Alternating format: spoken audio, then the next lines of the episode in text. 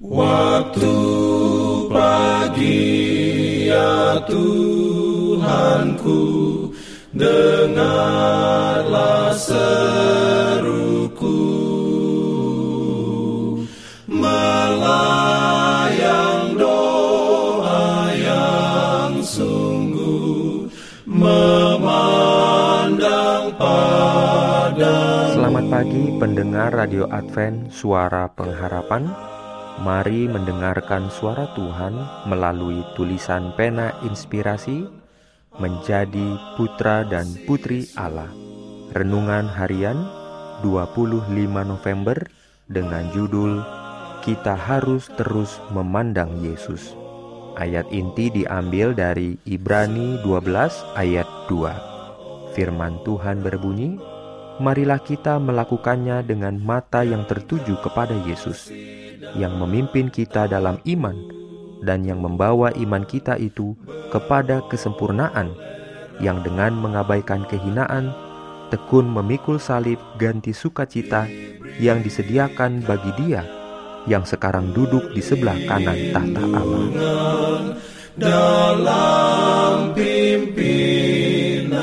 Urayanya sebagai berikut. Banyak di antara kaum muda mengeluh karena mereka tidak memiliki kemampuan untuk melakukan pekerjaan besar, dan mereka mengingini talenta yang dengannya mereka dapat melakukan beberapa hal yang luar biasa. Tetapi sementara mereka menghabiskan waktu mereka dengan keinginan yang sia-sia, mereka membuat kegagalan hidup.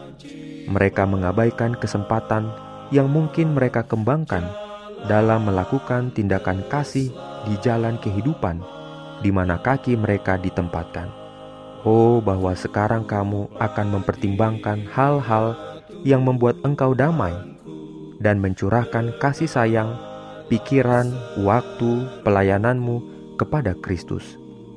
Setan memusatkan semua energinya untuk membengkokkan kehendak Anda kepada kehendaknya untuk menjadikan Anda agennya dalam menentang rencana Kristus, agar Anda dapat menolak untuk membuat Yesus memerintah atas Anda.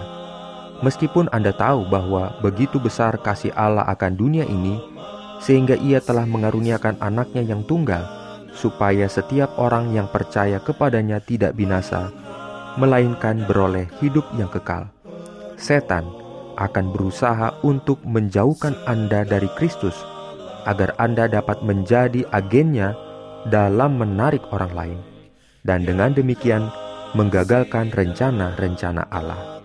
Dia adalah bapa segala dusta, dan dia menjalin jaring kebohongan, di mana dia mengikatmu dengan tali kebohongan untuk pelayanannya. Semakin cerdas Anda, semakin menarik, semakin keras dia akan bekerja sehingga dia bisa membujukmu untuk meletakkan bakatmu di kakinya dan membantunya mencapai tujuannya dalam memikat orang lain di bawah panji hitamnya. Jika dia bisa membuat pikiranmu terpesona, dia akan melakukannya.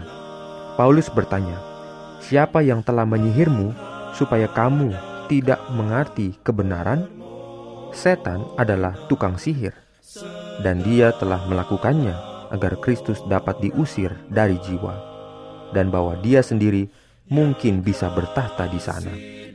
Saya mohon kepada Anda, putra dan putri, untuk melepaskan diri dari kegilaan si jahat.